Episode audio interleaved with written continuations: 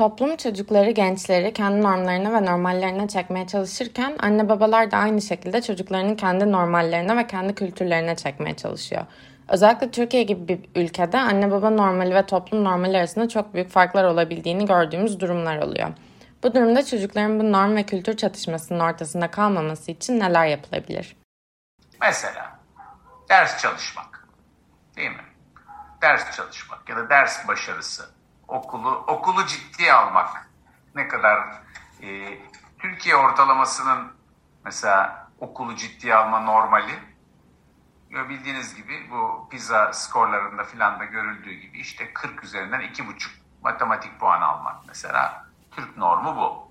Aslında bu norma doğru kimse gitmek istemiyor. Kimse çocuğunun 40 üzerinden 2,5 almasın. Ne, ne aileler, ne öğretmenler, ne devlet böyle bir böyle bir arzu yok. Yani bazı normaller yapısal sebeplerle oluşuyor. Yani böyle bir sistem içinde o norm oluyor. Yani o nedenle toplumsal norm bir e, çekim noktası olabilir ama toplumsal norma uymak zorunda o daha olduğumuz yerlerle yani bazı konularda hiç uymak zorunda değiliz. Yani normun e, tutsağı olmadığımız yerler var. Ya da diyelim ki Türkiye'nin e, erkekler için boy ortalaması 1.69. Aa, çocuk 1.90 hay Allah norma uymadı gibi kimsenin dert etmediğini biliyoruz. Yani her norma uymamakta insanlara bir sıkıntı yaratmıyor. O nedenle hani norma uyma uymama konusu e, bir de biliyorsunuz bir istatistiksel normlar var. Bir de daha sosyal olarak tanımlanan normlar var. Çoğunluğun yaptığı ile bir yandan da beklenen normlar. Mesela başarılı olmak beklenen bir norm. Yani ders başarısından ama çoğunluk başarılı değil. O nedenle bence norm temelinde düşünmemiz yani ya da efendim herkes bilgisayar oyunu oynuyor şu saatte ben oturup niye soru çözeyim? Doğru. Hangi norma uymak istediğine bakıyoruz evladım. Yani anlatabiliyor muyum? Sen hangi normda olmak istiyorsun? E ben ileride işte CEO olacağım falan. Şimdi çocuklarda böyle değişik meslek özlemleri var ya. E, peki nasıl olacak bu? İşte birden olu verecek bir gün diye şey yapıyorlar. E, şimdi o nedenle e, bir kısım şey anne baba olarak bize düşen görevler var. Hani çocuğun e, bazı konularda çerçevesini çizmek yani. Ya benim komşunun oğlu her gün bunu yapıyor. Ben niye yapmıyorum? Bu da senin şanssızlığın diyoruz bazı çocuklara. Çünkü her ailenin kültürel normları var. Bazı aile tatile yaylaya gidiyor, bazısı deniz kıyısına gidiyor. Herkes denize gidiyor, biz niye yaylaya gidiyoruz diyen bir çocuk vardı. E ne yapalım? Sen de Karadenizli bir aileye doğmuşsun yani. Yapacak bir şey yok.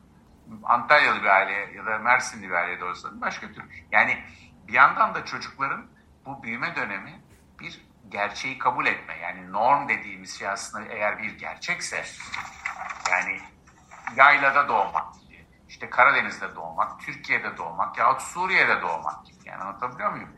Bu bir normal yani o yüzden e, gerçeği kabul etme e, bu yaşta öğrenilmeye başlanan bir şey. Yani ben az emek verdim, sonucu da ona göre oldu. Bu bundan büyük bir ders yok aslında insana mesela. Ama bunu ancak bu yaşta alıyorsunuz. Ama e, tabii buna fırsat vermek gerek. İyi okullar bence özellikle ergenlikte ana babanın rolü aslında çok minimalleşiyor.